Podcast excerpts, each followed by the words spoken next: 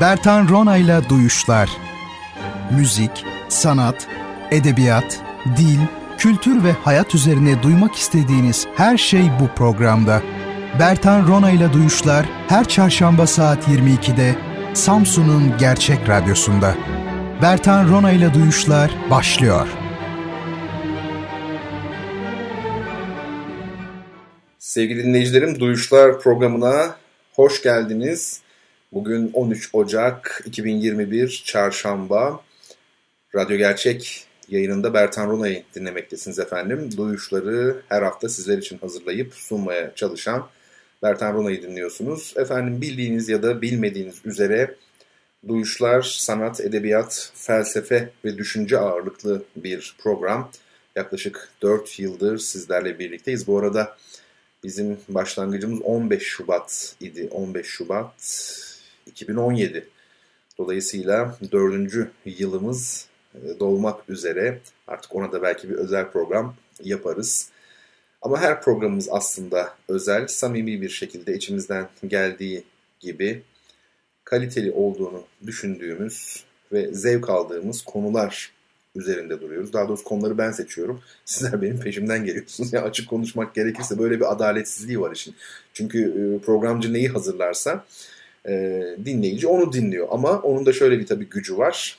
Dilediği an radyonun ya da nereden dinliyorsa telefonun falan kulağını büküp hemen kapatabilir ve bir daha e, kesinlikle dinlemeyebilir yayını. Böyle de bir e, karşılık verme imkanı söz konusu.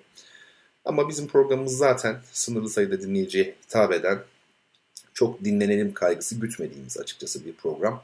İnanın ben e, bu program esnasında bir taraftan kendi kendime dertleşiyor gibiyim. O kadar içten ve rahatım. Takipçilerim bunu hissetmişlerdir bugüne kadar. Ama bir yandan da sizlerin e, sesinizi duymam mümkün olmasa da sanki içimde duyuyor gibiyim. Yani bir taraftan o kadar kişisel, bir taraftan da o kadar bütüncül bir e, algı oluşturuyor bende bu program. Sizlerin sesinizi duyuyor gibiyim. Belki bunda zaman zaman attığınız mesajların da etkisi vardır. İşte kitap hediye ediyoruz falan filan sorular. Belki bu karşılıklı etkileşimin de e, katkısı payı vardır bunda. Ama dediğim gibi sizleri sanki gerçekten e, karşımdasınız. Kanlı canlı halde yani böyle elimi uzatsam tutacak kadar somut hissediyorum. Onu ifade edeyim. Yani o bireysellik, o içe dönüklük, kendi kendine sohbet ediyor e, havası buna engel değil. Aslında ikisi belki birbirini tam tersine bütünleyen şeyler. Efendim bu gece neler yapacağız? Bu gece e, dört tane hediye kitabım var. E, bir değil, iki değil, dört reklam gibi oldu. Bir değil, iki değil, tam dört hediye kitap. E, bu kitapları tanıtacağım tabii birazdan sizlere. Onun dışında belli konular üzerinde duracağız ve programımızın e, ikinci kısmında e, bana yöneltilmiş olan bazı soruları cevaplayacağım. Aslında çok yeni e, sorular değil, yeni olan da var içlerinde ama e, daha önceki haftalardan kalmış olan e, sorular arasından da seçtim. Dört tane soruyu cevaplayayım istedim. Bunlar var. Onun dışında Mesnevi üzerinde biraz durmak istiyorum. Çok e, detaylı değil tabii ki ama oldukça kısa bir şekilde de olsa. Son zamanlarda Mesnevi'ye bir tekrar bakayım dedim. E, onunla ilgili bazı düşüncelerimi paylaşmak isterim. Bazı beyitler üzerinde ne anlattıkları üzerinde duracağız. Ve tabii yine birbirinden güzel müzikler dinleyeceğiz. Sosyal medyada Bertan Rona adıyla bir Twitter hesabı var. Bir de e, Instagram hesabı var. İkisi de bize ait efendim. Onları takip edebilirsiniz. E, bu Instagram'ı özellikle radyo programı için kullanıyorum. Zaten başka bir şey için kullanılmıyor Instagram. Onu ifade edebilirim. E, Twitter'da da böyle kişisel gündelik şeyleri paylaşmıyorum. Sadece düşüncelerimi paylaşıyorum. Çok sınırlı sayıda zaten yazıyorum. Her gün yazmadığım da oluyor. Yazdığımda da bir iki tane en fazla paylaşım yapıyorum. O kadar. E, çünkü amacım sadece düşüncelerimi insanlara aktarmak, değerlendirsinler. E, doğru bulurlar ya da bulmazlar ya da en azından bir soru işareti oluşturur. Bunlar yeterli. Şimdi bugünkü hediye kitaplarımızı onların ben görsellerini Instagram'a koydum. Oradan bakabilirsiniz çok değerli dinleyenlerim. Instagram'a yani girdiğiniz zaman Bertan Rona'ya bu gece sizlere hediye edeceğim 4 kitabı da görebilirsiniz. Ayrıca ben bu kitapları da tanıtacağım e, bu hafta bu programda. E, 3 nokta yayınlarının kitapları bunlar. Hem baskı kalitesiyle hem içeriğiyle e, çok özel. 3 nokta yayınları da yayın politikasıyla hakikaten e, bu işe yeni girmiş olmasına rağmen daha doğrusu yeni girmiş demeyelim bu e, bu platformu oluşturan arkadaşların bu işte yeni olduğu anlamına gelmez. Yani yayın ev olarak yeni kurulmuştur mesela. Onu kastettim yani. E, fakat bu yeni kurulmuş olmasına rağmen e, son derece e, ilgi çekici kitaplar yayınlıyorlar. Dediğim gibi hem şeyleri, tasarımları çok güzel, kitap tercihleri. Tabii aslında e, onları da belki e, bir gün bir yayını alalım, kendi politikalarını söylerler. Pek bugüne kadar Türkçe'ye çevrilmemiş kitaplar bildiğim kadarıyla bunlar. Pek değil hiç çevrilmemiş kitaplar. Ya da çok eskilerde kalmış çevirileri belki varsa vardır. Böyle bir sıra dışı özelliği de var. E, yayınlarının, 3 nokta yayınlarının, ün dedim ben hep öyle diyorum 3 nokta yayınlarının. Şimdi e, şu an tam karşımda kitaplar da oradan. Ü ve N yan yana olunca böyle hep oraya gidiyor. E, yeri geldiğinde yani bu kitapları hediye edeceğiz ama dediğim gibi program içerisinde tanıtacağım sizlere. E, Spotify ve SoundCloud duyuşların eski bölümlerini bulabileceğiniz e, mecralar, platformlar efendim. Oradan takip edebilirsiniz. Twitter'dan takip edin çünkü sizlere kitapları hediye etmek için usulen yani biraz açıkçası kolay sorular sordum. Özellikle kitaplar e, boşta kalmasın mutlaka sahibine ulaşsın düşüncesiyle. Bu e, soruları Twitter yani Bertan Rona hesabına doğrudan e, tweet atarak e, etiket mi deniyor ona, mention mi deniyor bir şey işte. Ya benim adımı yazıyorsunuz herhalde arkasından da onu mu yazıyorsunuz? Bu şekilde cevaplayacaksınız. Başka bir şeye gerek yok. Özel mesaja falan gerek yok. E, durum bundan ibaret. Şimdi hediye kitaplarım Instagram'dan bakabilirsiniz. Birincisi tuhaf ve harika bir adres. Amit Shoduri Herhalde okunuşu böyle. Fransızca bir okunuş gibi, gibi görünüyor. E, tuhaf ve harika bir adres. İlk kitap bu. Yine 3 nokta yayınlarından. Onu hediye edeceğim. Aslında bütün bu dört kitabın dördü birden aynı yayın evinden e, çıkmış kitaplar. E, Wine Nehri Cinayeti Agatha Christie'nin. E, seven vardır mutlaka böyle Agatha Christie biliyorsunuz polisiye e, son derece sürükleyici eserleriyle tanıyor ama e, tabii ki o ona indirgenemez. Agatha Christie bir insan psikolojisi uzmanı belki de. Daha başka derinlikleri, boyutları da vardır şüphesiz. E, çok yakından tanımıyorum açıkçası. E, Wine Cinayeti onun bir eseri. Araf'ın ruhları, Prosper Merime'nin, Merime biliyorsunuz Carmen ile tanınmıştır. Carmen'in esas öyküsü Prosper Merime'ye ait. Çok büyük bir isim tabii. Sadece edebiyatçı değil, onu aşan pek çok yönü var. Ve Pompei'nin son e, günleri. Edward Bulwer Lytton'ın bir e, eseri. Bu da yeni çıktı galiba. 3 nokta yayıncılık bunu çok yeni çıkardı. Ben e, dün ya da önceki gün Twitter'da bunu paylaşmıştım. Onların tweetini retweetledim yani tweetini. E, kitaplar bunlar. Ben e, dediğim gibi bu geceki programın içerisinde e, onları sizlere yeri geldikçe tanıtacağım. Şimdi şöyle yapacağız. Bol sorulu bir program olacak tabii. E, bu soruları her bölümün başında soracağım ve diğer bölüme geçmeden yani müziğe geçmeden önce de çok değerli dostlar cevaplayacağım. E, daha doğrusu doğru cevabını vereceğim. Doğru cevabı ilk olarak yazmış dinleyicimiz her kimse ona da kitabını göndereceğiz. Dört kitap bu gece. Şöyle diyelim ilk sorumuz şu. 1872-1934 yılları arasında yaşamış olan İstanbul Darülfünun'unda felsefe, mantık, ahlak ve ruhiyat dersleri veren, esas olarak Zebidi'den yaptığı Et Tecridüs Sarih çevirisiyle bilinen ünlü düşünce insanı ve alim kimdir? 1934'te kaybetmişiz kendisine. Kendisini e, Zebidi'den yaptığı, Zebidi'nin biliyorsunuz Et Tecrüs Sarih e, bir Buhari şerhi benim bildiğim kadarıyla. Şerh mi veya o kapsamda bir çalışma yani cehaletimi mar, maruz görsünler bilenler. Efendim e, şeyin e, bu şeyin kitabın Türkçe çevirisi. Yani Cumhuriyet'in ilk yıllarında e, efendime söyleyeyim Kur'an'ın ya da hadislerin Türkçe'ye çevrilmesi ile ilgili e, çalışmış e, en önemli iki isimden biri diyelim. E, siz bu sorunun cevabını yaza durun. Bu bölümün hemen sonunda cevabı ben söylerim, duyururum buradan ve kazanan arkadaşımız kimse kitabını göndeririz. Şimdi ben bu haftalarda çok yoğunum. Yani inanılmaz elimde bir, bir iki iş var, büyük iş. Bunlar kurumsal işler. Ee, onları yetiştirmeye çalıştım. Birini yetiştirdim, birini yetiştiremedim. Biri daha zamanı var falan. Böyle bayağı bir yorucu. Şubat'la birlikte biraz rahatlamayı düşünüyorum. Ee, kendimce e, okumaya başlamıştım. Biraz okuyayım falan diye. Normalde kitap okuma alışkanlığı olan biri değilim. E, hiç neredeyse değilim yani. Ama çok seviyorum kitapları. Kokluyorum böyle filan vesaire. Zaman zaman böyle baktım tabii oluyor da hani böyle güzel günde birkaç en az saatimi ayırayım böyle düzenli okuyayım. Öyle bir alışkanlığım yok. E, halbuki kendime bir düzenleme yapmıştım. Biraz da Mesnevi'ye bakayım dedim. E, ilginç bir şey söyleyeyim size. Yani nedir bu? Bu Mesnevi nedir diye sorsanız. Yani bir kitap mı, bir efendime söyleyeyim bir e, ne yani bütünlüklü bir şey ya bu. Şöyle bir şey, bir evren galiba. Yani bir alem, kendi içerisinde kuralları var.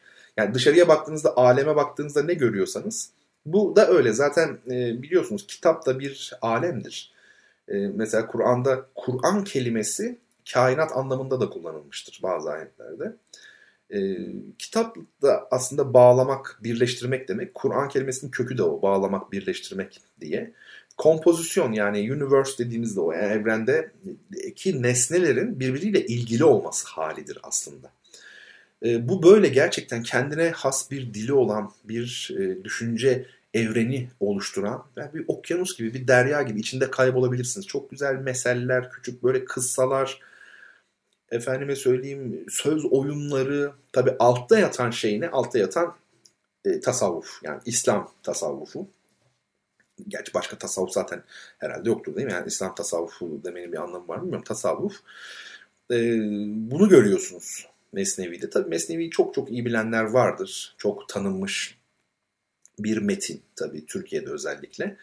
Çevirileri de var. Farsça aslı çünkü biliyorsunuz Mevlana'nın ana dili Farsçaydı ve Mevlana e, eserlerini Farsça tabii yazdı. Bunların çeşitli çevirileri var. Bendeki bu ayrıntı yayınlarından çıkmış olan e, çeviri. iki büyük cilt yani 1, 2, 3'ü tek kitap yapmışlar. 3, 4, 4, 5, 6'yı da ikinci kitap yapmışlar. Efendime söyleyeyim Farsçadan çeviren Profesör Doktor Mehmet Kanar Bey. E, böyle kafiyeli de çevrilmiş. O bakımdan e, lezzetli bir şekilde tabii okuyabiliyorsunuz. Tabii büyük emek var. Kutlamak lazım. E, şöyle bir e, tabii okudukça notlar aldım ben. Aslına bakacak olursanız. Ve bu notlar çok ilgimi çeken yerlere ilişkin notlardı. Mesela birkaç tanesini paylaşmak isterim sizle. E, şimdi evet. Buradan itibaren bir bakalım. Bakın ne diyor? Uykuyla ilgili bir şeyler e, söylüyor. Mevlana Celaleddin Rumi Mesnevi'de. Başlarda hemen diyor ki her gece beden tuzağından ruhları kurtarırsın, sökersin levhaları. E, burada uykuyu kastediyor. Yani beden tuzağı, beden bir tuzak, ruhların içine düşmüş oldukları bir tuzak ama uyuyunca tabii ruhlar serbestiyet kazanıyor. Tabi burada bir e, şerh düşülmesi lazım. Çünkü bizim yani tefsirlerde olsun, başka bazı tasavvuf kaynaklarında olsun uykuda ruh bedenden serbestiyet kazanmaz. Nefs yani şöyle ruh tabii şeyle hala bedenle ilişki içerisinde oluyor. Ölümde ancak serbestiyet kazanabilir. Burada muhtemelen çeviride de değil de ruh kelimesi biliyorsunuz nefs yerine de zaman zaman kullanılıyor. Muhtemelen böyle bir durum söz konusu. Her gece beden tuzağından ruhları kurtarırsın, sökersin levhaları. Ruhlar her gece bu kafesten kurtulur, hükümden, sözden kurtulmuş olur. Zindandakiler geceleri zindandan habersiz, saltanattakiler geceleri devletten habersiz. Müthiş değil mi? Yani gerçekten e, hapiste de olsanız, zindanda da olsanız uyuduğunuzda iş bitmiştir. E, padişah da olsanız, sultan da olsanız uyuduğunuzda yine iş bitmiştir. Yani yine sultan padişah değilsiniz. Muhteşem gerçekten. Ne kar zarar gamı kaygısı, ne onun ne bunun hayali. Yani çoğu insan mesela işte kar edecek miyim, bu işten zarar edecek miyim mesela esnaf falan düşünür ya uykuda hiçbir problemler yok. Ama şu da yok. İstekler mesela hayaller şu benim olsa, bu benim olsa gibi bunlar da yok. Uyumazken de böyledir Arif'in hali. Tanrı onlar uykudadır. Dikkat et dedi. E, burada Arifleri tabi e, diğer insanlardan ayırıyor. Arifler uyku dayken değil yani gündüz e, uyanıkken de bu haldedirler. Uyumazken de böyledir Arif'in hali diyor. Tabi burada saatlerce konuşulabilir neyi kastettiğine dair. E, efendime söyleyeyim e, bu yakaza meselesi tabi biraz da. Yani hakikati anlamak tabii gündüz aslında bir anlamda uykudasın. Hani insanlar uykudadırlar, ölünce uyanırlar hadisi var ya. Hazreti Ali'ye de atfedilen bir sözdür. Ben araştırmadığım için hangisi olduğunu söyleyemem ama önemli değil. Yani sözün kendisi önemli. İnsanlar uykudadırlar, öldüklerinde uyanırlar. E, o zaman yakaza işte uyanıklık hali oluyor. Yani bu dünyanın bir uyku olduğunu ilk defa anladığınız andır yakaza. Dolayısıyla uyanıklık yani bir gözlerinizi açtığınız zaman ama hala yataktasınız tabii daha çok işiniz var. Şimdi e, arifler ise yani nasıl ki ruh serbestiyet kazanıyor, efendim müstakiliyet, yani rahat e, bedene beden kayıtlarından kurtuluyorsa uykuyla birlikte. Arifler gündüz de böyledir diyor. Ariflerin ruhları bedenlerinde tutsak değildir. Gündüzleri de böyledir. Ve burada onlar uykudadır dikkat et dedi. Tırnak içine alınmış. Tanrı böyle demiş. Bu tabii bir ayet muhtemelen. E, hangi surede hangi ayette bilmiyorum. Bu çevirisi de nasıl onu da bilmiyorum. Uyumuştur dünya hallerine karşı gündüz gece, benzer Tanrı'nın kudret elindeki kaleme. Yazarken yazan eli görmeyen kişi sanır ki kalem kendiliğinden yapıyor bu işi. Tanrı bir parça gösterdi Arif'in halinden, hissi uyku insanları aldı kendinden. Ee, tabii bu son beyit çok çok önemli ama öncesindeki de e, dikkat çekici. Yazarken yazan eli görmeyen kişi sanır ki kalem kendiliğinden yapar bu işi. Bu aslında modern toplumlar ile modern öncesi toplumların nesneye, eşyaya, alemlere ve kainata e, bakışı arası iki toplum yapısı arasındaki fark budur. Yani e, modern bilim ile inanç arasındaki fark da budur. Nedir bu? İşte kainatta bazı yasalar hüküm sürüyor öyle değil mi? Yani baktığınızda fizikle ilgili yasalar var. Astronominin kendine has yasaları var. Kimya denilen bir bilim var ve bu yasalar değişmiyor. Aynı koşullar altında aynı nedenler aynı sonuçları e, veriyor. Fakat bunlar bir şeye işaret ediyor mu, etmiyor mu? Bunlar nasıl bu şekilde bir araya getirilmiş? Ya da bu yasayı, kanunu kim koymuş? Niye böyle de başka bir şekilde değil mesela? Kadim toplumlar e, bütün bu görünenlerin yani işte işte yıldızların hareketi olsun. Az önce bahsettik yani kompozisyon dedik, kainat dedik, evren dedik, e, Kur'an dedik, kitap dedik. Kitapla bağlama demektir. Yani her şeyin bir araya gelmesi, her şeyin birbiriyle ilgili olması. Tevhid düşüncesi yani. Şimdi e, bu şekilde baktığınızda ayağınızı pergeli yani veya bir sağlam bir yere e, dayamak söz konusu oluyor. Burada inanç işte hani geçen hafta da konuşmuştuk galiba değil mi? Bu alem kelimesinin alametle ilgili olması, ilmin de oradan gelmesi. Yani bir şeyin bir şeyin işareti olması. Nedir o? Yaratıcının işareti olması aslında. Bütün kainatın gölge alem yani onun gölgesi veya onun eseri, onun izi.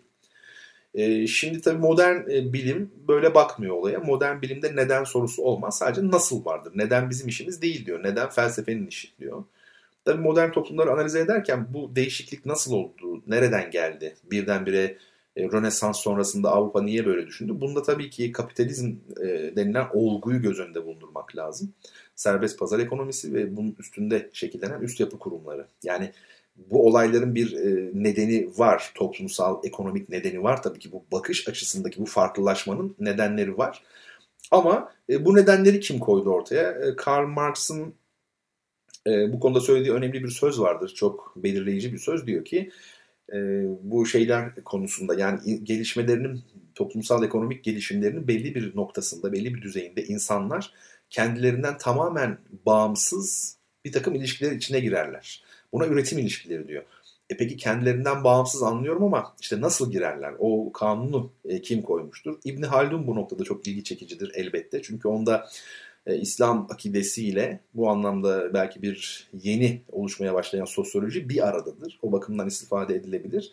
Kader düşüncesi de çok önemlidir. E, ölçüp biçmek yani kader o zaman en baştan nasıl ölçülüp biçildi veya efendime söyleyeyim insan ya da toplum kaderindeki tarihsel çizgilerindeki bir takım değişiklikleri e, Allah zaten bazı kanunlara ve yasalara bağlamış değil mi? Bizzat kendisi mi değiştirecek yani?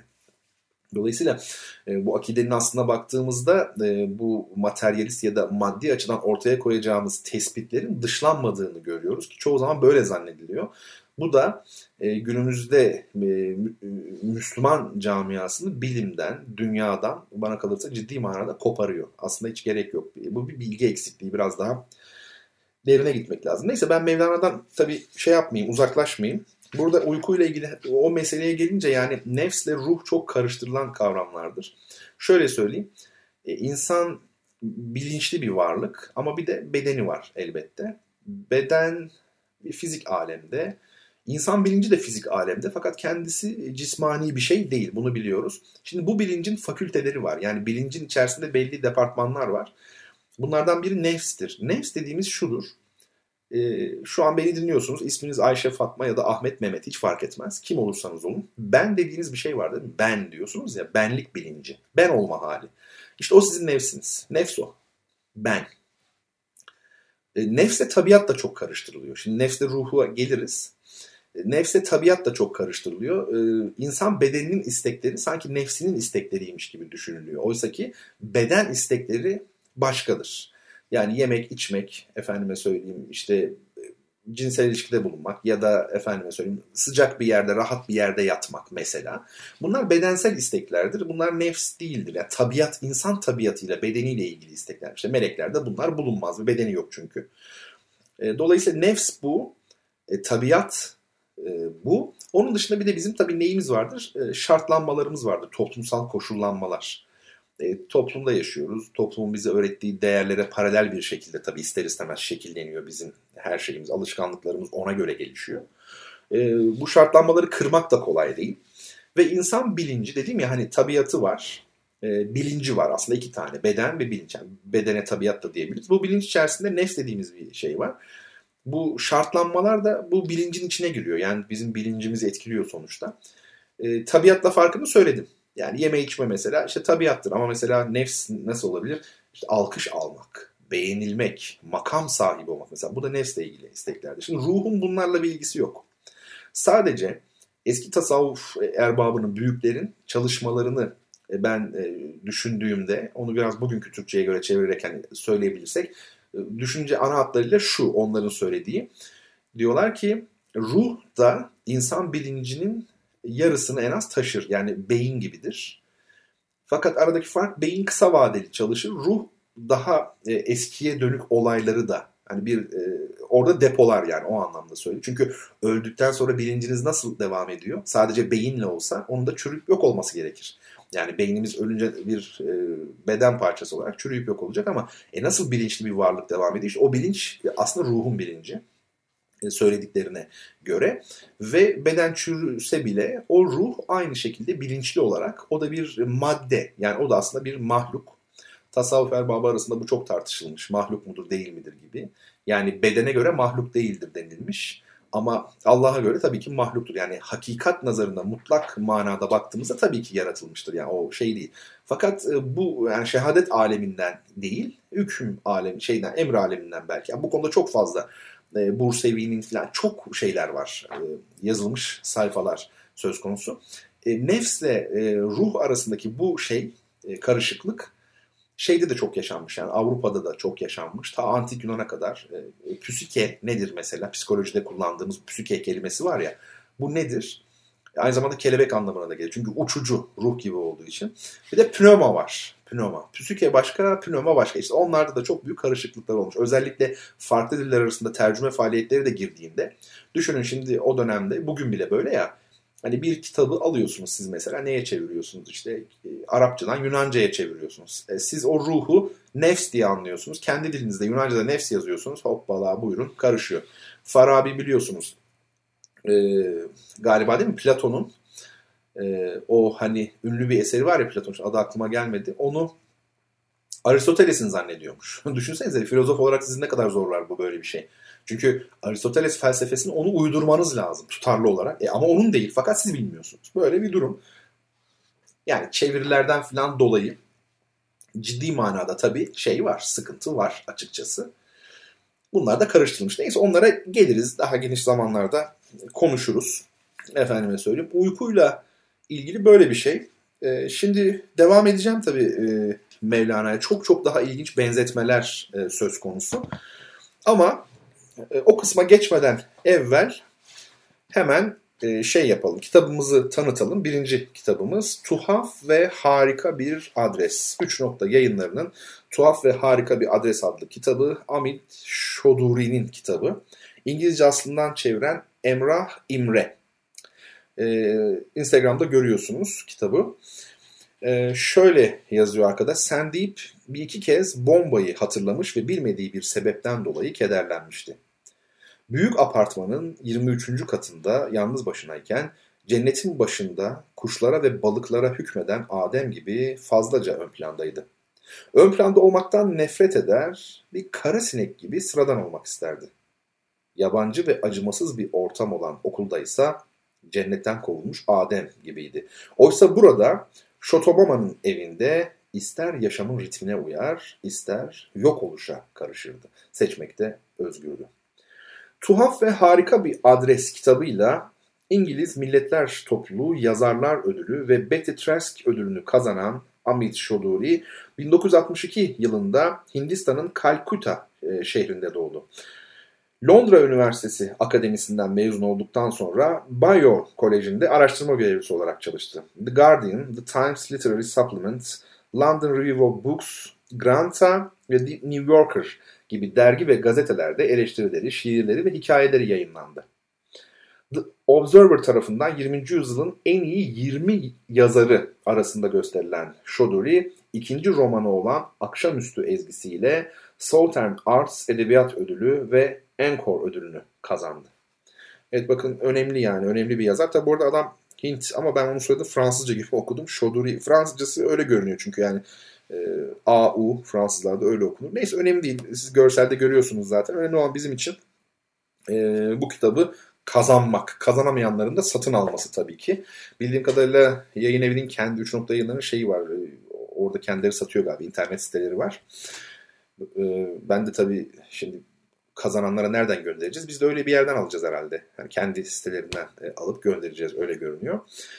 E, şimdi sorduğum soru, ilk bölümün başında sorduğum soru ne?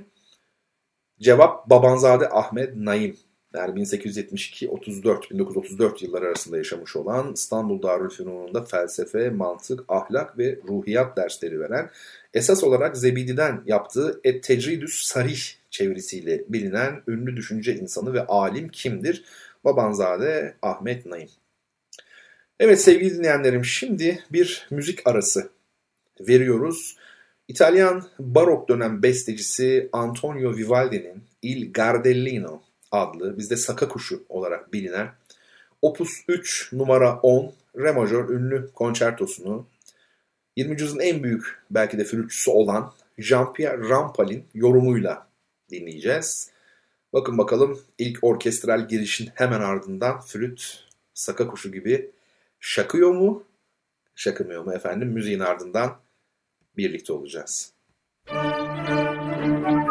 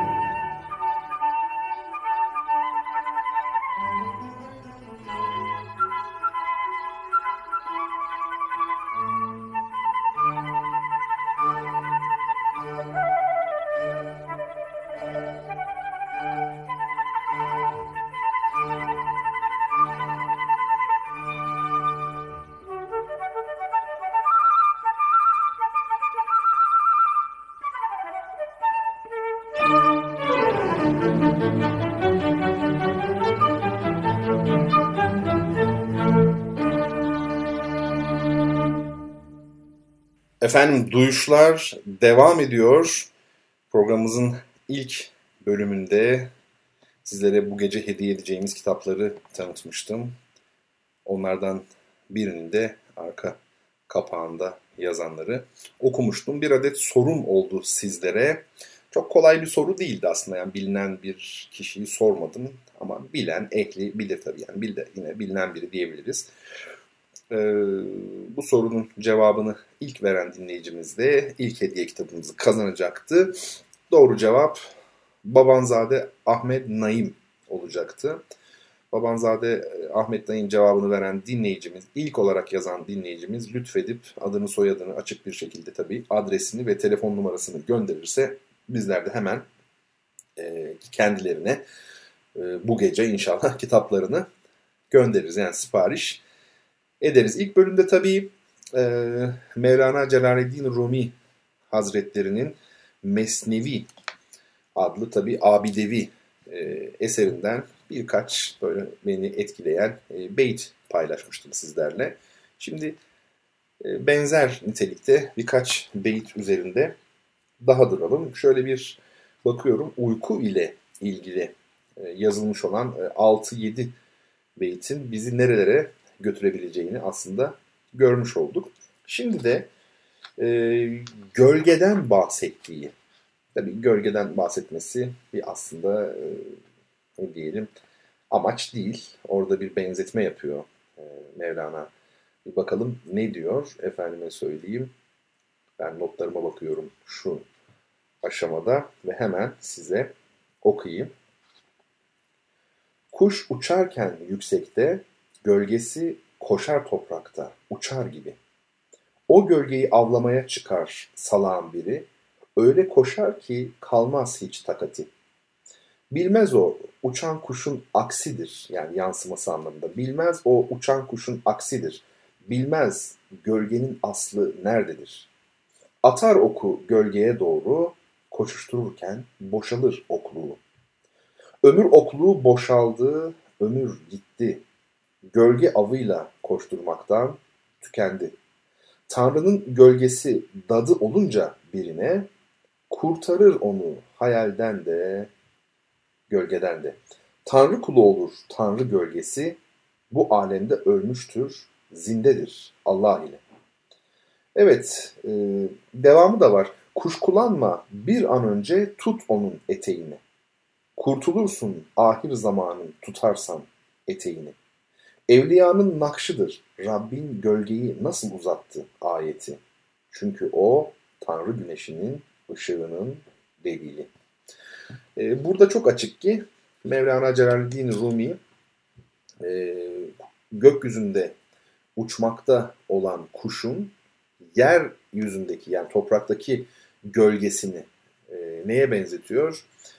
İnsan hayatına, insanın ömrüne ve buradaki e, geçici lezzetlere, zevklere ya da mal, mülk gibi insanların peşinde koştuğu şeylere benzetiyor. Burada insan yine aynı insan tabii. Bu dünyada yaşayan insan. Şimdi bu şekilde bir daha bakalım. Şöyle diyor. Kuş uçarken yüksekte, gölgesi koşar toprakta uçar gibi. Evet yani e, bizim peşinden koştuğumuz hayat boyu işte kimisi efendim para ister, kimisi makam ister, kimisi alkışlanmak ister, kimi ölümsüz olacağını düşünür. Yani ölümsüzlük değil de şöyle ben öyle insanlar tanıdım işte ben 120 yaşına kadar yaşayacağım. Ya yaşasan ne olur 120 yaşına kadar yani. İsterse 220'ye Saat kadar yaşa. 22. Yani sonu tabii şey aynı o bakımdan e, o da e, çok anlamlı değil. İşte uzun yaşamak, efendime söyleyeyim, e, şöhret sahibi olmak. Efendim kimisi der ki ben çok güzel bir kadınla evleneceğim ya da bir kadın der ki ben çok güzel bir şey erkekle evleneceğim. Yani karşı cinsle aramak belki mutluluğu. Pek çok e, çeşitte söylenebilir. Yani mal, mülk değil mi? Bazen koşturuyoruz bir saniyemiz bile olmuyor. Günler birbiri ardınca geçiyor. Mevlana bunu gökyüzünde uçan bir kuşun yeryüzünde, toprakta e, akıp giden hareket halindeki e, o gölgesini avlamaya çalışan bir insana benzetiyor. E, hem avlamak zor çünkü hareket halinde hem de gölge aslı asları yok. Yani anlamsız avlasan vuramazsın vursan ne olur hiçbir şey. Ne kadar güzel bir benzetme. Hem yakalayamazsın gölge elle tutulmaz ki yakalanmaz ki. Ok ona isabet etse de gidersin yine yok. Yani bu defa hani elde edenleri de aslında ne kadar anlamsız bir iş yaptıkları noktasında eleştirmiş oluyor. Yani dünya hayatında şimdi pek çok insan mal, mülk ve söylediğiniz diğer şeyler az önce saydıklarımız peşinden koşabilir. Ama elde edenlerin de durumu değişik değil diyor aslında. Bu çok hoş. Devam edelim bakalım. O gölgeyi avlamaya çıkar salağın biri. Öyle koşar ki kalmaz hiç takati. Yani çok yorulana kadar bütün ömrü boyunca değil mi bu amaçlar uğruna koşturur. Bilmez o uçan kuşun aksidir. Yani aks, akis yankısıdır e, gölgesinin anlamında. Bilmez gölgenin aslı nerededir? Peki dünyadaki bu nimetler eğer yerdeki gölge ise kuşun kendisi ne oluyor o zaman? Kuşun e, kendisi tabii e, Allah'ın inananlara vaat ettiği ilahi ihsanlar olmuş oluyor. Mesela bunlardan biri bir cennet hayatı mesela en önemlisi değil mi? Ama daha da ilerisi işte efendim kendi cemalini e, göstermesi. Mesela bunlar tabii daha başka konular. Ama e, kuşun aslı yani gölge eğer bu dünyaya tekabül ediyorsa e, kuşun aslı o zaman demek ki bu dünyada değil. E, Platon'un e, ideaları var ya mesela işte bakın bu noktada da çok ilginç bir e, paralellik kurabilirsiniz. Yani Platon'a göre de nimetlerin değil sadece her şeyin e, aslı, esası, e, ayağını sabitesi öyle diyelim nerededir? Bu dünyada değildir. Başka bir yerdedir. İdealar alemindedir. E, bu şekilde bir okumaya da tabi tutabilirsiniz elbette. E, atar oku gölgeye doğru koşuştururken boşalır okluğu. Yani sonsuza kadar devam edemezsiniz. Okların sadak deniyor ya bu ok torbası sırtındaki bunların belli bir sayısı var elbette. Ve ömür bitiyor tabii. Yani orada e, okların, okluğun boşalması e, bunu ifade ediyor. Ömür okluğu boşaldı. Bakın hemen arkasından zaten öyle diyormuş. Ömür okluğu boşaldı, ömür gitti. Gölge avıyla koşturmaktan tükendi. Tanrı'nın gölgesi dadı olunca birine kurtarır onu hayalden de gölgeden de. Yani ilginç değil mi? Tanrı'nın gölgesi dadı olunca birine. O onu yetiştirince hayalden de kurtarıyor, gölgeden de. Yani sahte e, mabutlara ya da sahte geçici e, nimetlerin peşinden koşmaya bir son diyor. Allah tarafından terbiye edilen kişi buradaki beyte göre. Kuşkulanma bir an önce tut onun eteğini. Kurtulursun ahir zamanın tutarsan eteğini. Evliyanın nakşıdır. Rabbin gölgeyi nasıl uzattı ayeti. Çünkü o Tanrı güneşinin ışığının delili. Bu tabi ünlü bir ayettir. Bu ayetle ilgili milyonlarca sayfa yazılmıştır. Söz söylenmiştir belki. Rabbin gölgeyi nasıl uzattı? Gölge alem nazariyesi vardır. Meşhur. İşte efendim padişaha, halifeye e, Allah'ın yeryüzündeki gölgesi denmiştir. Bu sadece bizde değil yani uzak doğuda da aynı şekilde Japon, e, Çin imparatorları falan. E, şimdi tabi Rabbin gölgeyi nasıl uzattı ayetinde çok daha başka şeyler de var elbette. Şimdi gölgeye bakıyorsunuz mesela. Gölge olmak zorunda değil yani. Güneşe bakın, aya bakın. Hareket etmiyor. Ama 5 dakika sonra bakın, aa birazcık hareket etmiş. Yani hareketini görmüyoruz ama hareket ediyor. Bu aslında e, bize bugün normal gibi gelse de çok ilginç bir olgu. E, tabii Rabbin gölgeyi nasıl uzattı? O ayette ona da işaret var. Yani hareketle hareketsizliğin aynı şey oldu. Zaman çok ilginç bir şey. Gerçekten. Yani ben hayatımda zaman kadar sırlı bir şey görmedim. Zamanın ne olduğunu bilen biri gelsin. Zamanla da ilgili konuşabiliriz tabii. Aziz Agustinus'un bir sözünü söylemiştim zamanla ilgili. Zaman nedir diye sorarsanız bilmiyorum. Ama sormazsanız biliyorum. Yani şu demek bu gündelik hayatta zamanın ne olduğunu hepimiz biliriz. Ama üzerine düşündüğümüz zaman zamanın ne olduğunu kavrayamayız bir türlü. E, bu belki kader sırrıyla da ilgilidir. Zaman ve mekan aslında insan için iki temel girdi. Bana kalırsa e, bunlardan biri yani mekan anlamında baktığımızda yani mekan demek istemiyorum ama e, hacim de değil, yer tutma da değil. Yani var olma anlamında bu nefsle ilgilidir elbette. E, zamana geldiğimizde o da fena ile ilgilidir aslında. insanın fani olması ile ilgili. Yani insanın e, bu anlamda manevi yönelişi de tevhid bağlamında iki ayak üzerinde aslında e, şekillenmiş oluyor. Bunlardan biri nefs, bu çok önemli. Birisi de fena yani fani olma hali. Birisi çünkü zamana taalluk ediyor. Öbürü de hani tevhid açısından düşünecek olursanız, her şeyin birbirine bağlı olması açısından düşünecek olursanız e, varlıkla ilgili yani mevcudiyetle ilgili. O yüzden tam şey karşılamadı bunu elbette. Hani az önce ifade ettim ya e, mekan kelimesi tam karşılamadı. Evet yani Mevlana'nın olağanüstü benzetmeleri bir evren. Yani hakikaten insan e, sayfalarca okuyabilir. Mesela bir başka yere e, bir bakalım. Notlarımı almıştım ben burada. Diyor ki nefsinizin putudur putların anası. Bakın işte tevhide aykırı demiştim ya nefs. Yani nefs dediğim benlik bilinci. Ben diye bir şey hissediyorsan o zaman hakikatten uzaksın demektir.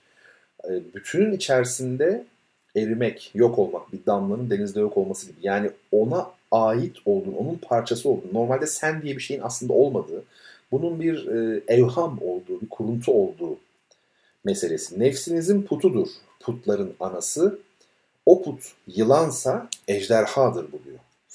Yani e, o işte gizli şirk, açık şirk meselesi. Yani bildiğimiz o putlara tapmak, putperestlik yani açık şirk. O diyor eğer şeyse Yılansa insanın kendi nefsine tapması ya da var olduğunu düşünmesi bu ejderhadır. Nefis dediğin demir ile çakmak taşı, put kıvılcım, su ile söner, bulur kararını kıvılcım. Çakmak taşı ile demir suyla nasıl söner? Bu ikisi varken insan nasıl kendini güvende hisseder? Put, testide saklı duran kara sudur. Nefis, bu kara suyun pınarıdır.'' O yontulmuş put benzer kara sele, puta tapan nefis pınardır su yolunda diye devam ediyor. Ee, yani herkese tavsiye ederim. Tabii Farsça hakikaten de şiir dili. Ben Farsçasına da bakıyorum. Az çok anlıyorum aslında Farsçasını da. O tabii daha lezzetli oluyor ama Farsça bilmediğim için öyle hani anlayacak, iyi anlayacak seviyede. E, tabii Türkçesine bakarak gidiyorum. E, ama lezzetini duyumsayabiliyorum. Bu olağanüstü bir şey. Yani bir yemeğin kokusunu alıyorsunuz en azından. Nasıl bir lezzet taşıdığını bilirsiniz. E, dolayısıyla tavsiye ederim. Yani bu ayrıntı yayınlarının mesnevisi çok güzel. İki büyük cilt halinde hem boyu oktav format diyor Almanlar büyük boy ve kalınca böyle. Yani Mesnevi'nin ilk üç kitabı birinci cilde konulmuş burada. 4, 5, 6'yı da ikinci cilt yapmışlar. E, hakikaten e, inanılmaz bir irfan, ilim irfan kaynağı. Hem de bunu böyle kıssalarla, benzetmelerle, müthiş masalsı bir atmosferin içerisinde okuyorsunuz. Baştan sona okunacak bir kitap değil. Yani tabii ki baştan sona okuyacaksınız ama onun dışında ansiklopedi gibi. Zaten çok kapsamlı bir indeks, indeks değil de bir girişte böyle vermişler konu konu. Hani hangi öykü nerede. Oradan istediğinizi bulup o şekilde de okuyabilirsiniz. Şimdi müziği de sevmişsinizdir umarım az önceki o Vivaldi. Değil mi? Il Gardellino, şey Saka Kuşu. Nefis hakikaten. Ben bu arada soruyu sormayı unuttum. Sorumu sorayım. Güneş sisteminin en sıcak gezegeni hangisidir arkadaşlar? Yani bu artık kitaplar sahibini bulsun diye usulen sorulmuş sorular. Google soruları yani hemen bulabilirsiniz. Güneş sisteminin en sıcak gezegeni. Banal sorular ama ne yapayım yani. Dedim ki çok kolay bir şey olsun insanlar hemen bulsunlar. Burada hız yarışıyor. Bilgi değil de yani kim daha çabuk yazarsa. Hani aramızda bir coğrafyacı olur, bir astronom olur. Hani bunu net biliyordur. O tabii ki herkesler önce yazar o ayrı ama kolay sorular dediğim gibi. Herkesin cevaplayabileceği sorular. Şimdi Wine Nehri cinayeti Agatha Christie'nin bu e, geceki hediye kitaplarımızdan biri size hediye edeceğiz. 3 nokta yayınlarının yine çok güzel bir çalışması. Elinize aldığınız zaman kapak tasarımıyla, sırt kısmıyla falan sanki böyle e, bir İngiliz kitabıymış gibi geliyor. Agatha Christie olduğu için belki yaptılar böyle. Yani olağanüstü hakikaten.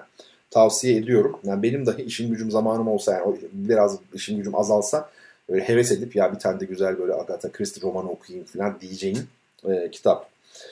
E, şimdi Agatha Christie e, Dorothy Sayers, Gilbert Chesterton ve efsanevi çözümleme kulübünün yani The Deduction Club diğer 11 yazarı bu son derece zekice yazılmış şeytani romanda bir araya gelerek dehalarını konuşturmuşlardır. Hmm, demek ki 11 yazar bir araya gelmiş. Kapakta zaten hepsini görüyorsunuz. Instagram'da bakabilirsiniz. Her yazar ustalığını ortaya koyarak bir bölüm yazacak. Neden sonuç ilişkilerini dikkate alarak bir tür edebi oyun kaleme alacaktır. Her bir yazar öyküyü düğüm noktasına kadar getirip bırakmış, bir diğeri kendi bölümünü değişik olaylarla renklendirerek bir sonraki yazara devretmiştir. Tüm ucu açık ipuçlarını bir araya getirerek öyküyü sonuçlandırma görevi Anthony Berkeley'e verilmiştir. Gilbert Chesterton ise kitap tamamlandıktan sonra yazdığı giriş bölümüyle romana bambaşka bir tat katmıştır. Kulübün kuralı gereği her yazar diğerlerinin çözümünden habersiz kendi bölümüyle birlikte yazdığı kendi çözümünü de mühürlü bir zarfa koyarak teslim etmiştir. Kitabın sonunda verilen bu farklı çözümler içinde Agatha Christie'nin dahice çözümü çok beğenilmiş. Hatta eleştirmenler yalnızca bu çözüm için bile bu kitap alınır yorumunda bulunmuşlardır. Hepinize tavsiye ediyorum. Şu an kitap elimde. Ee, umarım sorunun cevabını siz yazmışsınızdır. Zaten çok basit bir soruydu. Güneş sisteminin en sıcak gezegeni anormal basit bir soru. Ee, doğru cevabı veren çok değerli dinleyicim lütfedip adını soyadını yazsın.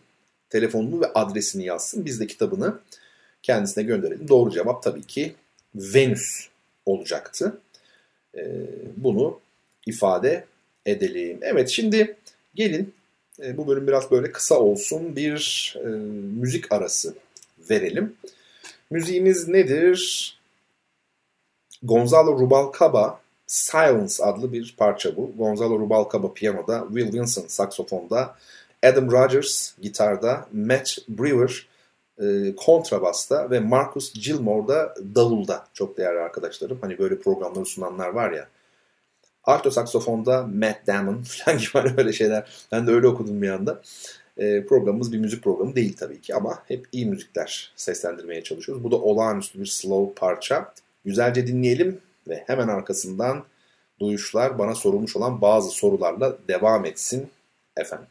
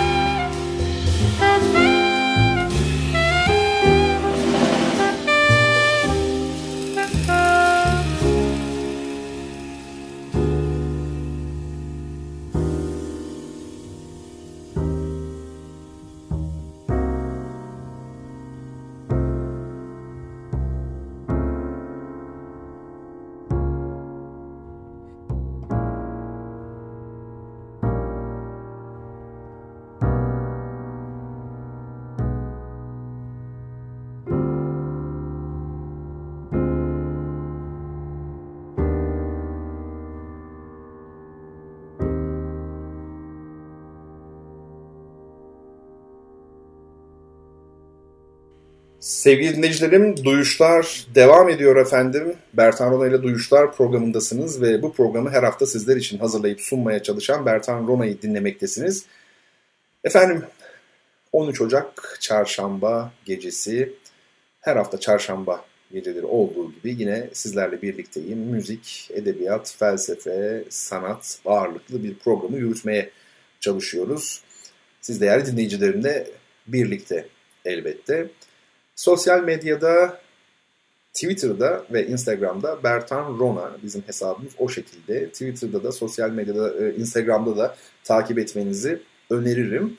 E, çünkü kitaplar hediye ediyoruz ve bazen görseller üzerine konuşuyoruz. Kitap hediyeli sorularımızın cevabını Twitter'dan aldığımız için e, görselleri de Instagram'dan sizlerle paylaşmış olduğum için bu iki mecrada takibiniz önemli olabilir. Eski bölümlerimizi Spotify'da ve SoundCloud'da bulabilirsiniz. Onun dışında her türlü soru için bertanrona.gmail.com e, elektronik posta adresim benim. Oraya yazabilirsiniz. Yazıyorsunuz da bayağı bir geliyor. Artık sıraya koymak zorunda kalıyorum. Ama tabii bunların büyük bir çoğunluğu telefonla falan hani dönüyorum. E, çünkü yazmaya zaman yok. Programdan da cevap veremiyorsunuz her zaman olmuyor. O şekilde yardımcı olmaya çalışıyorum. Zamanın el verdiği ölçüde. Bazen gecikiyoruz ama bir şekilde e, oluyor çok şükür. Şimdi e, bu arada bizim burslarımız da var. Onu uzun zamandır buradan anonsunu yapmıyorum ama çok değerli dinleyenlerim. Öğrencilerimize burs temin etmeye çalışıyoruz. E, lütfen e, sizler de imkanlarınız dahilinde eğer mümkünse yardımcı olun. E, sizler olamıyorsanız yani kendiniz olamıyorsanız bolca duyuralım bunu yani etrafa mümkün olduğu kadar duyuralım. Belki bizim duyurduğumuz insanlar arasında e, maddi gücü olanlar ve yardımcı olmak isteyenler vardır. Bir defaya mahsus ve e, cüzi bir rakam söz konusu olsa bile e, olsun o da bir şey yani. Son derece değerli oluyor. Bazen öyle oluyor ki yan yana 5 liraya bile ihtiyaç oluyor. Çünkü sağdan soldan bularak, buluşturarak veriyoruz e, bu paraları öğrenci arkadaşlarımıza ve çok çok da iyi oluyor. Gerçekten hani o parayı almasa çok çok ciddi sıkıntıya girecek. Yani adeta okuyamayacak durumda olan arkadaşlarımız var. Lütfen Sizler de yardımınızı esirgemeyin. Yani bir insana yardım etmek herhalde dünyanın en güzel şeyi. Ben bunu yapabildiğim zamanlarda çok mutlu oldum hep. Ya Allah herkese nasip etsin bunu yapabilmeyi. Yani bu kadar bir güç versin, maddi bir güç versin elbette. Ee, dernek üzerinden bunu yapıyoruz. Konservatuvarımızın Mezunlar Derneği üzerinden yapıyoruz. Ee, makbuz karşılığında yapıyoruz. Son yardımı yapan e, değerli yardımseverlere makbuzlarını gönderemedik. Çünkü ilgili arkadaşımız e, rahatsızdı.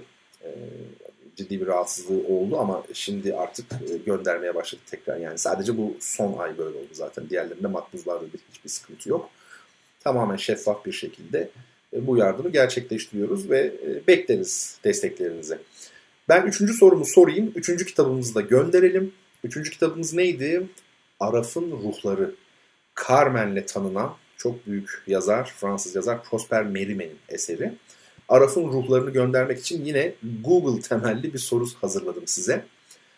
E, hemen e, bulabilirsiniz Google'a yazarsanız. Tabii müzisyenler avantajlı. Varsa bir müzisyen hemen cevabı verebilir diğer arkadaşlar Google'dan ararken. Soru şöyle. Müzikte re majör tonalitesinin ilgili minörü nedir? Her majörün minörün böyle ilgilisi var. Karı koca gibi düşünün. Re majörün ilgili minörü hangisidir? Bunu soruyoruz. Soru bu. Şimdi efendim siz bunu yazın. Ben de bu arada sorulara geçeyim, dinleyici sorularına. Geçtiğimiz günlerde birkaç tanesi yeni, birkaç tanesi daha eski olmak üzere işte bana yöneltilmiş olan sorulardan artık böyle dörder dörder, beşer beşer bir cevaplayayım diyor. Biraz birikmiş çünkü. E, bu sorulardan cevaplayacağım. Soruların hepsini okumayayım çünkü bazen böyle maillerin içerisinde uzun mailler de var. Yani e, mana olarak söyleyeyim. Yani bir soru şöyle, birbirinden çok farklı iki mecrada ders vermeye başlayacaksınız. Kendinizi hangisine yakın hissediyorsunuz? Bu çok güzel bir soru benim için. Ee, burada kastedilen ne biliyor musunuz? Yani ismini de okumayacağım, ben sadece sorulara cevap veriyorum.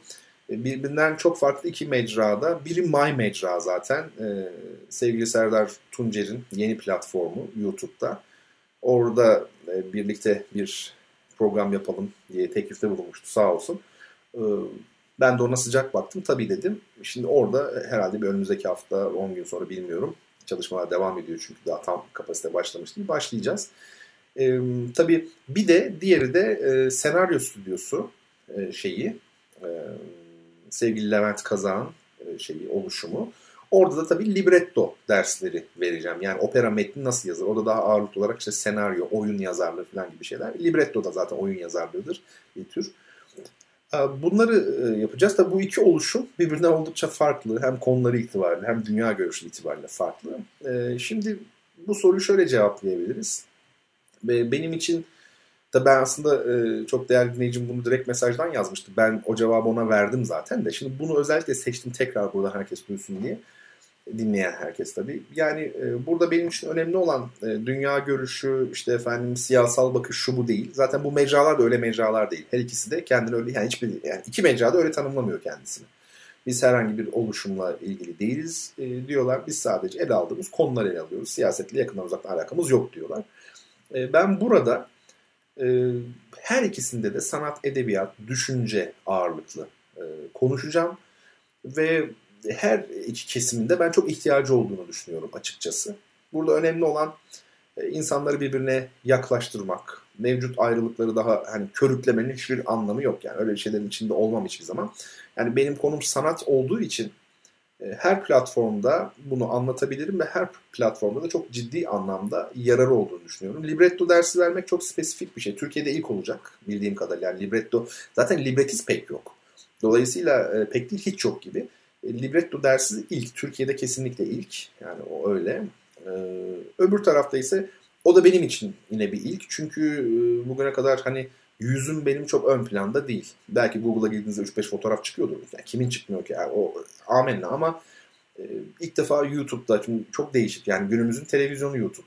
YouTube'da görünmeye başladınız mı artık yüzünüz tanınmaya başlayacak demektir. Bu çok arzu ettiğim bir şey değil ama e, oradaki programın önemli olduğunu düşünüyorum. Benim kendi YouTube kanalım da var. İstesem aktive ederim ve anlatırım. Belki yakında ona da başlayacağım.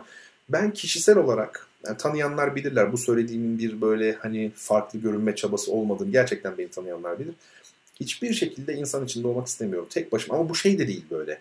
Hani yalnızlığı kutsamak böyle bir küçük burjuva duyarlılıklar var ya şehirli böyle orta sınıf falan. Yani hiç sevmiyorum öyle şeyleri. O anlamda demiyorum ama ön plan değil. Mesela düşüncelerimi insanlarla paylaşmak mı istiyorum? Kitap yazayım. Zaten kitap satın alıp okuyan kişi ondan yararlanır. Yoksa e, YouTube'da falan öyle de düşünebiliriz. Hani YouTube'a koyduğunuz zaten orada bulunduğu zaman yani orada 500 bin kişi bakıyorsa 500 bin insan onu gerçekten anlamış mı oluyor? Hayır.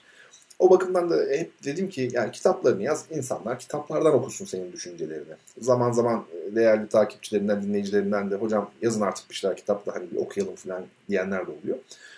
Ama e, bir de şu var yani yeni kuşak okumayla arası çok iyi olmayan bir kuşak. Görsel bir kuşak ve YouTube çok önemli bir mecra. Orası da neden kullanılmasın? Eğer değerli, önemli, gerçekten istifadeye şayan konulara temas ediyorsanız, böyle şeyler anlatıyorsanız bence değerlendirilebilir. E, buna karar verdim. Göreceğiz bakalım yarar olacak mı, olmayacak mı? Orada belli düşüncelere temas edeceğim. Bunu söyleyeyim. Yani benim için iki yapının farklı noktalarda bulunmasının bir önemi yok. Ne yazık ki Türkiye böyle kırılmaların çok keskin olduğu bir ülke. Hatta e, benim söylediğimi söyleyen insanlara orta yolcu falan bile denebilir. Diyorlar da zaten. Ve gerçekten de bazıları da haklı da olabilirler yani. Her tarafa mavi boncuk dağıtmak falan mesela. Bu da hoş bir şey değil yani. İnsan elbette ki omurgalı olacaktır. Ancak dediğim gibi benim konularım belli. Anlatmak istediğim şey belli. Her iki kesime de bir şeyler verebileceğini düşünüyorum anlattığım konuların. E, o bakımdan e, saygıyı, sevgiyi elden bırakmadan belli bir seviyede, çıtayı belli bir noktada e, tutarak bize yakışan şekilde biz ülke olarak her anlamda hareket etmeliyiz. Bu da bu kapsamda değerlendirilmesi gereken bir şey bence. Şimdi diğer soru çok tuhaf bir soru. Soru tuhaf değil. Soru çok güzel de bana sorulması muhteşem. Aslında çok şaşırmamam lazım. Çünkü zaman zaman bana böyle sorular geliyor. Yani sanki ben alimmişim gibi. Bu soruları soranlar muhtemelen ya böyle ilahiyat fakültesinde okuyanlar ya İmam Hatip Lisesi bilemiyorum ama soru sanki hani bana değil de böyle e, Türkiye'de tanınan hocalar var ya onlara e, sorulması gereken bir soru. Hocam soru şöyle hocam El Keşşaf'a nasıl bakmalıyız? Yani şimdi ben bu kadar okusam dinleyicilerim bile anlamaz. ya. El Keşşaf'a nasıl bakmalıyız? Okumamızı tavsiye eder misiniz? Bir de Elmalı tefsiri başlangıç için uygun mudur? Beni herhalde bir müfessir falan veya bu işleri çok iyi bilen bir hoca. Arkadaşlar ben bu konularda çok cahil biriyim yani. Cahil derken ben alim değilim ki e, bunları hani cevap vereceğim. Kendi fikrimi söylerim ama altını 500 defa çizerek yani herkes her konuda konuşuyor. Olmaz yani. Şu da doğru değil ama yani bir adam felsefe hakkında konuşmak için felsefe mi okumuş olmalı yani? Bu olmaz. Yani tarih boyunca hangi felsefeci felsefe okumuştu ki? Yani okul okumuştu yani. Böyle saçmalık olabilir mi? Öyle değil tabii ki. Kendinizi yetiştirmişsinizdir. E, o alanda tabii ki düşüncelerinizi söylersiniz ama bakıyorsun adam e, bir tıp doktorunun söylediği şeyleri söylüyor. Yani ona karşı çıkıyor falan. Yani şimdi çok teknik bir alan değil mi öyle? Burada hani tefsir olsun, hadis bunlar teknik ve zor alanlardır. Çok çok zor. O bakımdan hani ben bir otorite değilim ama e, teşekkür ederim yani bana güvenmişsiniz, sormuşsunuz. Benim kanaatim şu, naçizane kanaatim. İşte El Keşşaf tabii ki olağanüstü bir tefsir. E, bilmeyenler için tabii söyleyelim. Zemahşeri'nin e, müthiş eseri. Çok kapsamlı bir kere dil söz konusu olduğunda yani o analizler söz konusu olduğunda, Arapçaya hakimiyet söz konusu olduğunda rakipsiz yani muhteşemdir. E, hatta yani şeyle birlikte, Beyzavi ile birlikte e, Zemahşeri iki kanadıdır aslında şeyin yani tefsirin. Bu açıdan bakıldığında son derece kapsamlı, muhteşem. Şimdi ama şöyle bir şey var. Okumanız ben sizi tabii bilmiyorum ne durumdasınız, seviyeniz nedir bilmiyorum. Çok iyi bir seviyedesinizdir mesela. Onu da okuyun derim o ayrı ama onun dışında tavsiye etmem. Neden? Çünkü el keş yani Zemahşeri biliyorsunuz e, ehli itizaldendir. Yani mutezile ekolünden e, gelen biri. Şimdi bu da tabii akide olarak e, sıkıntı olabilir, yaratabilir. Şimdi çok iyi seviyedeki bir kişi ama gerçekten çok iyi seviyede olan biri belki bunları şey yapmaz, etkilenmez bunlardan ve okuyabilir. Fakat o kadar ince işlerdir ki bunlar yani siz böyle çok güzel, yani hiç aykırı değilmiş sizin kendi akideniz, ehl sünnet akidesine hiç aykırı değilmiş gibi zannedersiniz. Ama okuduğunuzda öyle olmadığını görürsünüz.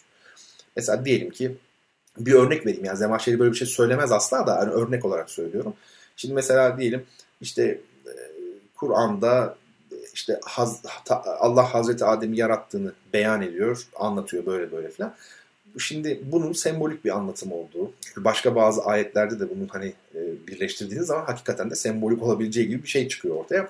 O zaman burada Hazreti Adem diye biri gerçekte yaşamamıştır. İşte efendim nedir? O bir semboldür. İnsanoğlunun var olması işte yavaş yavaş topraktan çıktı önce balıklar falan yani evrimi onaylayan mesela.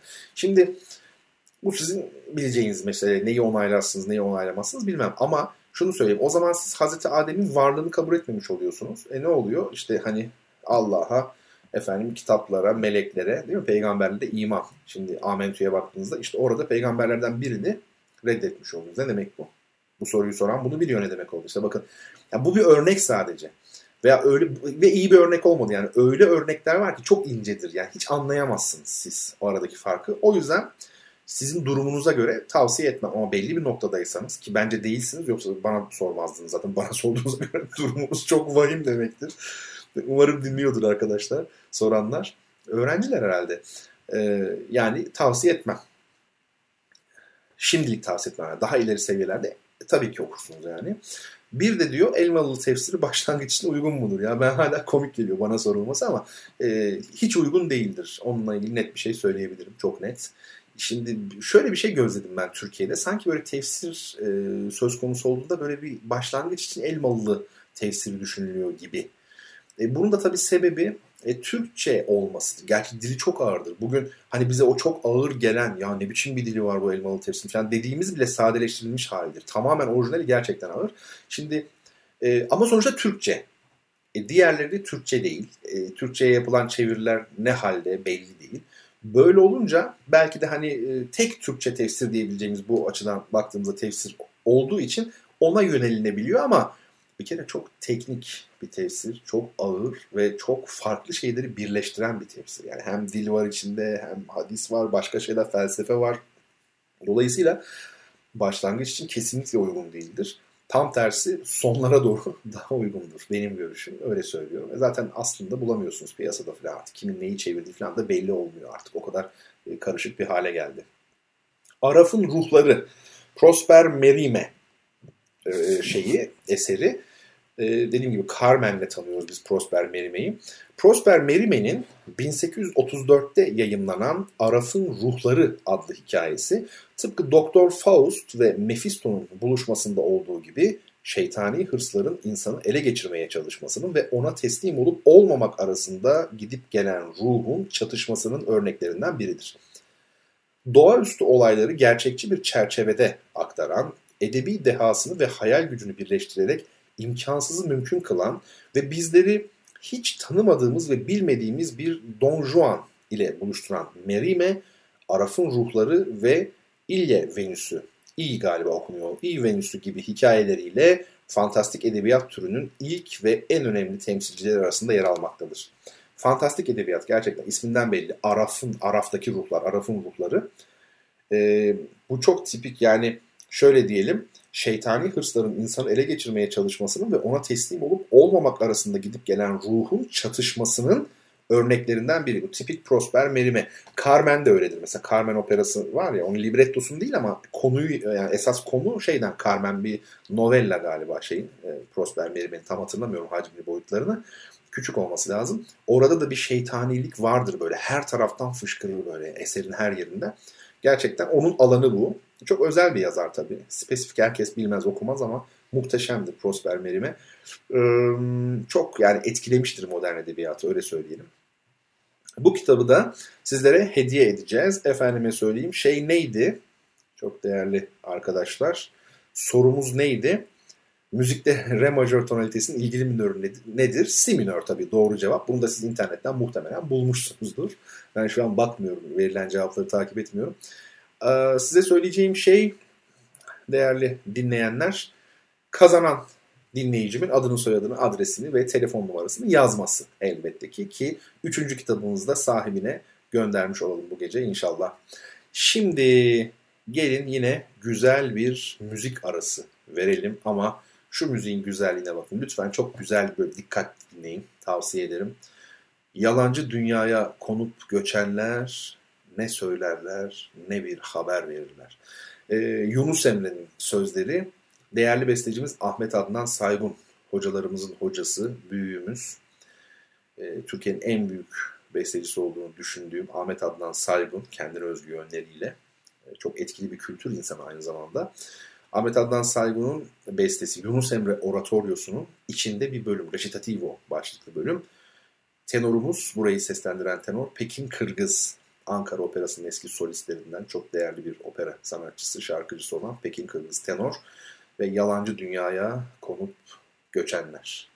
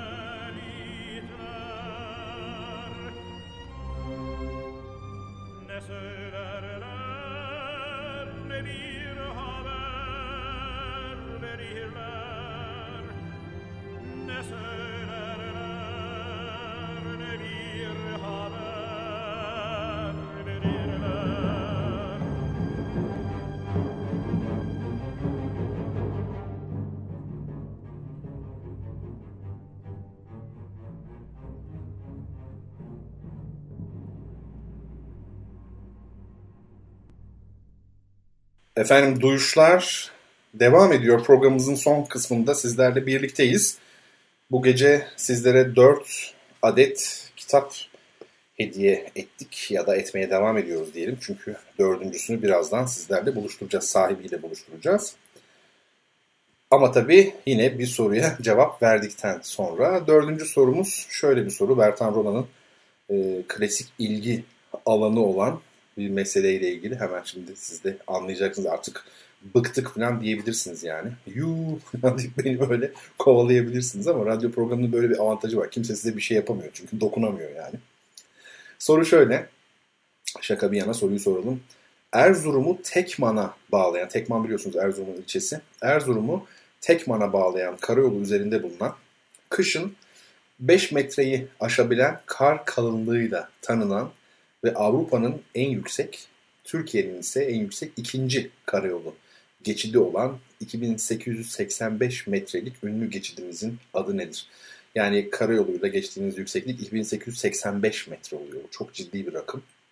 3000 metre sayılır aşağı yukarı. Ee, evet aracınızla geçiyorsunuz yani ilginç. Soru bu. Ee, Erzurum Tekman arasındaki meşhur geçidi soruyorum. Sizler bu sorunun cevabıyla şöyle bir ilgilenin. Belki de yazdınız şu an. Bilmiyorum. Ben de e, dinleyici sorularını cevaplamaya devam edeyim. Bu hafta belirttiğim gibi e, değerli dinleyicilerimden gelen e, ve bir zamandır bekletmiş olduğum sorulara kısa cevaplar veriyorum. İki tanesine verdim şu ana kadar cevap. Şimdi e, bu gece kalan iki tanesine cevap vereyim. E, şöyle e, bir soru var. Vahdet-i vücut nazariyesi hakkında ne düşünüyorsunuz? İbn Arabi gibi zatların zahire mi? Ha, zahire muhalif sözlerini tevir etmek bazen mümkün olmuyor. Ben şahsen ön sürülen delillerle ikna olmadım. Acaba siz ne düşünüyorsunuz? Anladım ben soruyu. Ee, şöyle yani hiç bilmeyen bu konulara yabancı olanlar için de şöyle bir açıklama yaparak başlayayım. Hani e, bu vahdeti vücut nazariyesinin aslında İslam akidesine, inancına aykırı olduğu, çünkü bir çeşit panteizm gibi olduğu, nesneye, eşyaya, aleme, alemlere, efendim kainata ilahlık e, atfetmiş olduğu, işte ener hakkında bu anlama geldiği gibi düşünceler var. İlginç, e, hiç düşünmemiştim bir şey oldu, tevafuk oldu. E, Ahmet Naim Babanzade'yi sormuştum. E, e, Ahmet Hamdi Aksekil'in e, ona yazdığı bir mektup vardır. Biliyor musunuz aynı konuda İbn Arabi ile ilgili nasıl düşünmek lazım diye hem de Aksekil gibi büyük bir üstad e, soruyor e, Babanzade'ye yani bu müşkülün halli nasıl olabilir gibi. Demek ki bu en üst seviyelerde bile her zaman konuşulmuş bir konu. Çünkü zahire baktığınızda hakikaten de dinin e, ahkamına ters görünen e, pek çok halleri var. Bugün biliyorsunuz çeşitli İslami akımlar öyle değil. Ben Selefilik biliyorlar bilmiyorum artık e, Vehhabilik. Onlar zaten e, mesela Arabiye e, Şeyh Ekfer diyorlar. Kafir şeyh yani Şeyh Ekber yerine en büyük şeyh yerine en kafir şeyh gibi bir takım şeyleri var. Sıfatlar takmışlar. E, peki ben e, bu konuya nasıl bakıyorum? Ben o şekilde tabii değerlendirmiyorum açıkçası. E, şeylerin e, İbn Arabi gibi büyük zatların hatta belki bir uç örnek olarak çoğu zaman değerlendirilen Hallacı Mansur'un e, da elbette ki İslam akidesine aykırı bir şey söylemediği yani kanaatindeyim. E, enel hak meselesinde yani e, bu Hazreti Musa'ya konuşan ağaç ne dedi? İnni ene Allahu dedi. Ben Allah'ım dedi. Ağaç dedi bunu. Ağaç diyorsa insanda kaldı ki Hallacı Mansur Garibim enel hak demiş. Ben hakkım, hakikatim demiş aslında bir anlamda baktığımızda. Ee, şimdi genelde şöyle düşünülüyor. Ee, mesele ne biliyor musunuz aslında? Mesele herkesin başkalarını kendi e, anlayışıyla aynı seviyede zannetmesi. Bakın farklılık var ya, farklılık, tabakat yani tabakalar, dereceler, mertebeler bütün bunlar bu farklılık yaratılışın özü aslında. Bir an düşünün farklılık olmasaydı yani her şeyi birbirine benzeterek ilerlemeye çalışalım. Yani önce bütün canlıları canlı başlığı altında toplayalım. Hepsi birbirinin aynısı olsun canlı. Anlatabiliyor muyum? Sonra işte metalleri mesela metal olarak tek bir başlık altında toplayalım. Sonra yavaş yavaş birleştirdiğinizde sonra madde başlığı altında işte canlılarla bu defa e, metaller, maddeler, bütün maddeler birleşecek filan. Yani yokluğa doğru gider. Yani varlık zaten farklı olmayı gerektirir. Yani yaratılmış olmak farklı olmayı gerektiriyor. Şimdi ben tutup da Usain Bolt gibi koşabilirim diyebilir miyim yani? Yarıştığımızı düşünsenize ama e, eğlence olur ha. Yani bayağı ilginç olurdu. Mümkün değil öyle bir şey değil mi? Yani Hüseyin Bolt ama mesela Hüseyin Bolt da deseler ki sen biraz felsefede şu konuyu anlat mesela. O da benim gibi anlatamayabilir. Dolayısıyla farklılık her alanda. Şimdi insanlar da böyledir. Herkes mesela bazen deniyor hocam nasıl okumalıyız, nasıl yapmalıyız? Ya herkes e, padişah ya da devlet adamı olacak değil. O iş için yaratılmış olanlar var. O yetenekli olanlar var. Herkes tacir olamaz, tüccar olamaz. E, herkes alim olamaz. Anlatabiliyor muyum? Herkes de veli olamaz. Yani herkes birbirinden farklı özelliktedir. Bunları zorlamanın hiçbir anlamı yok. Şimdi mesela işte Kur'an tefsirleri var ki bugün de biraz bahsettik. Tefsir ne demek? Yani içini açmak, dışarı iyice çıkarmak, yorumluyorsunuz. Hepsi. Yorum değil de daha çok işte açmak hani detaylandırıyorsunuz. Yani. Ee, şimdi Mevlana ne diyor? Sen diyor Kur'an'ı tefsirden söz ediyorsun. Önce diyor kendi e, anlayışını bir tefsire temizle. O zaman onun diyor tefsire ihtiyacı olmadığını görürsün diyor. Yani aslında ortada bir metin var ya da bir hakikat var. Bakan kendisi gibi görüyor onu. Mesele burada. Şimdi zahir görünen kısım. Tabii biz bir fizik dünya içerisinde yaşadığımız için o ahkam elbette ki gerekir. Yani yorumla iş yapamayız.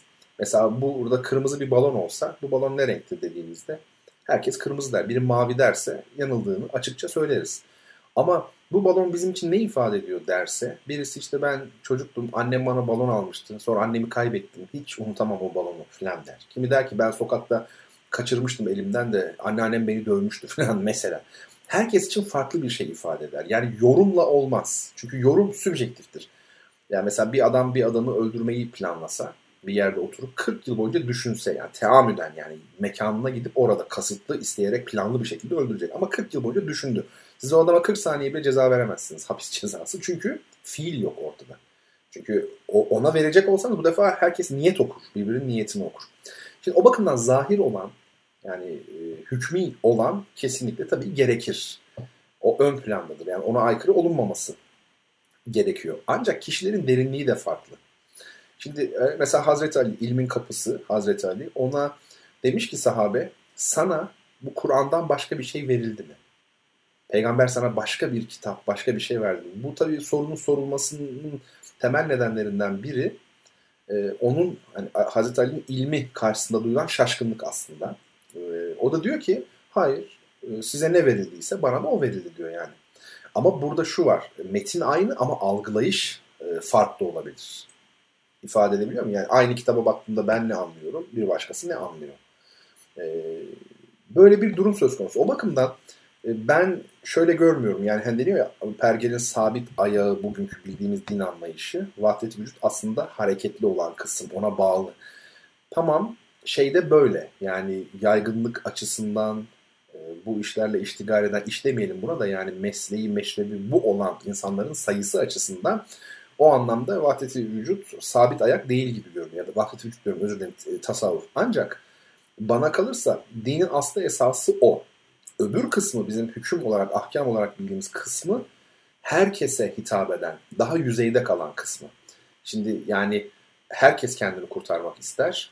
E, tanımlanmış bazı çalışmaları yapan, bazı işleri yapanlar kendini kurtaracak şu şu ibadetler, şunlardan uzak dur falan vesaire. Ama kendini bu anlamda kurtarmış olan herkes aynı seviyede olacak mıdır? Tabii ki değil.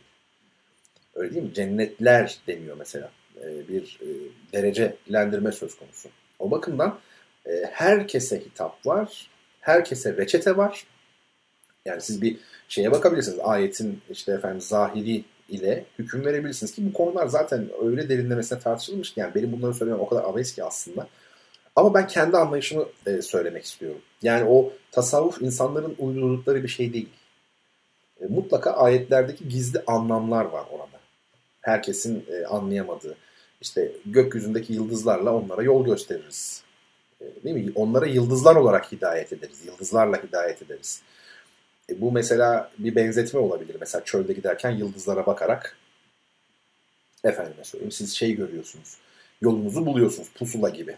Ama öte yandan belki de kader sırrında işte yıldızlardan gelen o meleki e, etkinin payı anlatılıyordur. Yani o hidayet bulmada ifade edebiliyor muyum? Yani kaderin ne noktadan geldiği, ben bu işin erbabı bilir bu konuları.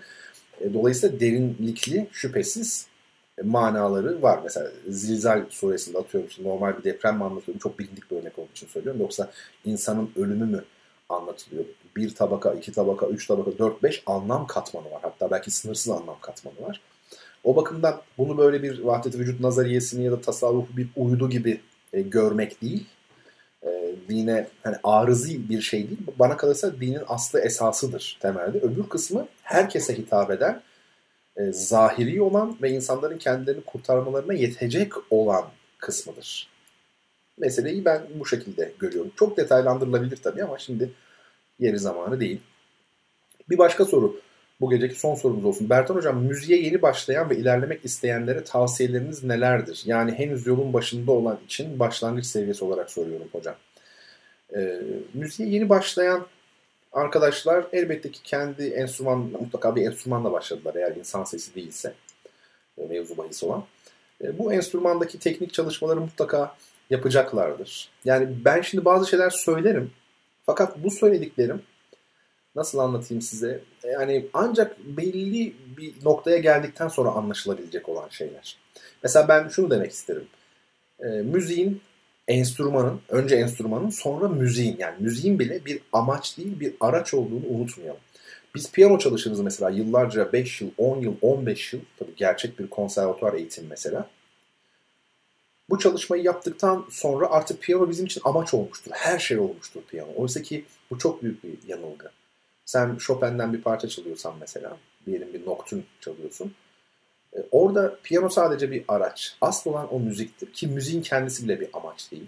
Bunu hep gözetmek lazım. İlk söyleyeceğim bu. Yani elbette ki belli bir noktaya kadar siz şimdi başlangıçta doğru hocalarla hangi enstrüman için konuşuyoruz bilmiyorum tabii ama doğru hocalarla, doğru yöntemlerle ve doğru çalışma biçimleriyle çalıştığınız, ilerlediğiniz mesela tekniği bu anlamda e, hedef koymayın diyorum ya hani amaç e, değildir, araçtır diye ama ilk yıllarda siz tam tersi onu hedef olarak belirlemelisiniz ki o noktaya gelin. Yani o noktaya geldikten sonra kıyafetinizi değiştirip devam ediyorsunuz. Diğer, diğer menzilde yine kıyafetinizi değiştirip devam ediyorsunuz. Bu böyle. E, algı açısından müziğin batısı doğusu olmaz. Türk müziği çok sesli hiç fark etmez. Müzik müziktir. İyi müzik vardır, kötü müzik vardır. Çok klişe bir ifade ama tekniğe, diğer çalışmalara dikkat ederseniz e, tabii edeceksiniz. Teoriye de dikkat edin. Solfejinizi çok geliştirin. Solfej müziğin aslı esasıdır yani. Müzik solfejdir temelde. Buna dikkat etmek lazım.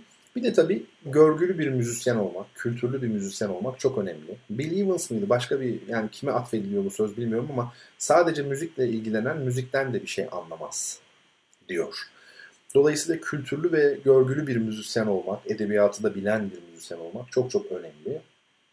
Bunları ifade edebilirim çok çok kısa olarak. Yani. Ve kalbinizin sesini dinleyin tabii. Müziği zevk alarak yapın. Ama müziğin şehvatı vardır, bir şehveti vardır. Ona da kapılmamak lazım dengeli bir şekilde. Götürmek gerekiyor.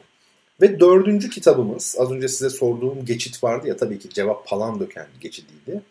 Bu cevabı veren dinleyicimiz de e, lütfedip adını soyadını adresini yazsın bize. Telefon numarasını yazsın. Kitabını gönderelim. Bu gece 3 nokta yayınlarının 4 tane kitabını gönderiyoruz sizlere. Allah bereket versin gayet iyi. Bu yeni çıkan kitapları daha bir hafta anca oldu herhalde. Nefis bir kitap gerçekten. Baskısı falan da çok güzel. Bulwer Lytton kitabı. Edward Bulwer e, Lytton kitabın yazarı. Şimdi arkada şöyle yazıyor. Edward Bulwer Lytton'ın 1834 yılında kaleme aldığı Pompei'nin Son Günleri isimli romanı Milattan önce 79 yılında Vezüv yanardağının patlaması sonucu yok olan Pompei şehrinin ve içinde yaşayan farklı kültürlerden ve farklı sosyal sınıflardan insanların bir panoramasını sunuyor. Lord Bulwer Lytton engin tarih bilgisini ve edebiyattaki ustalığını harmanlayarak okuru destansı bir zaman yolculuğuna çıkarıyor diyor. Baskısı gerçekten çok çok güzel. Artık bu krizden dolayı geçen bir arkadaşım söyledi. Bir yayın evinin, yani isim vermeyeyim tabii de e, kitabını okurken hani altını çizerek okuruz ya bazen. Altını çizerken kağıt yırtılmış. Demek ki hani bu e, pandemi koşullarında krizden falan ötürü artık her şeyin kalitesi düştü. Yani kitaplardaki o kağıt kalitesi bile düşürülmek zorunda kalındı. Ama e, 3 nokta yayınlarının hakikaten şey çok çok güzel. Ya tavsiye ediyorum işte ben. Daha ne, ne diyeyim yani. Sizler alın. Şimdi efendim artık programımızın sonuna geldik. Sizlere çok çok güzel bir müzikle veda etmek istiyorum. Johann Sebastian Bach'ın ünlü Goldberg varyasyonlarını yani Goldberg çeşitlemelerini 20 numarasını dinleteceğim. Yani orada 30 tane çeşitleme vardır. 20 numarayı dinleyeceğiz. Piyanist Andrei Gavrilov. Çok değerli dinleyenlerim. Haftaya Bertan ile Duyuşlar'da yani 20 Ocak çarşamba gecesi saat 22'de ben Deniz sizlerle birlikte olmak istiyorum. Allah sağlık, sıhhat verirse hepinize, bana ve sizlere inşallah. Tabii ki programda buluşuruz. O güne dek her şey gönlünüzce olsun. İstediğiniz her şey gönlünüzce olsun ve işleriniz yolunda gitsin. Çok değerli dinleyicilerim. Esen kalın. Müzik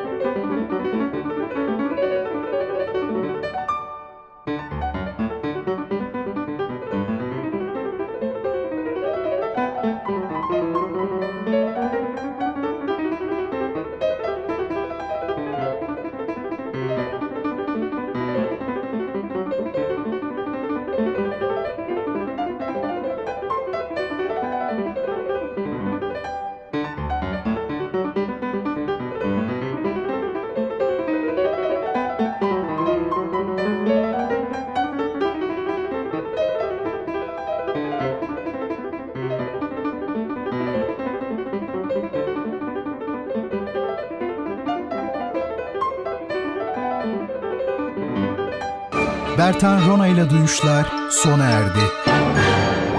Bu program hakkındaki düşüncelerinizi dinleyen et radyogercek.com adresine mail atarak bize ulaştırabilirsiniz. Dinlemiş olduğunuz programda ürün yerleştirme yapılmıştır.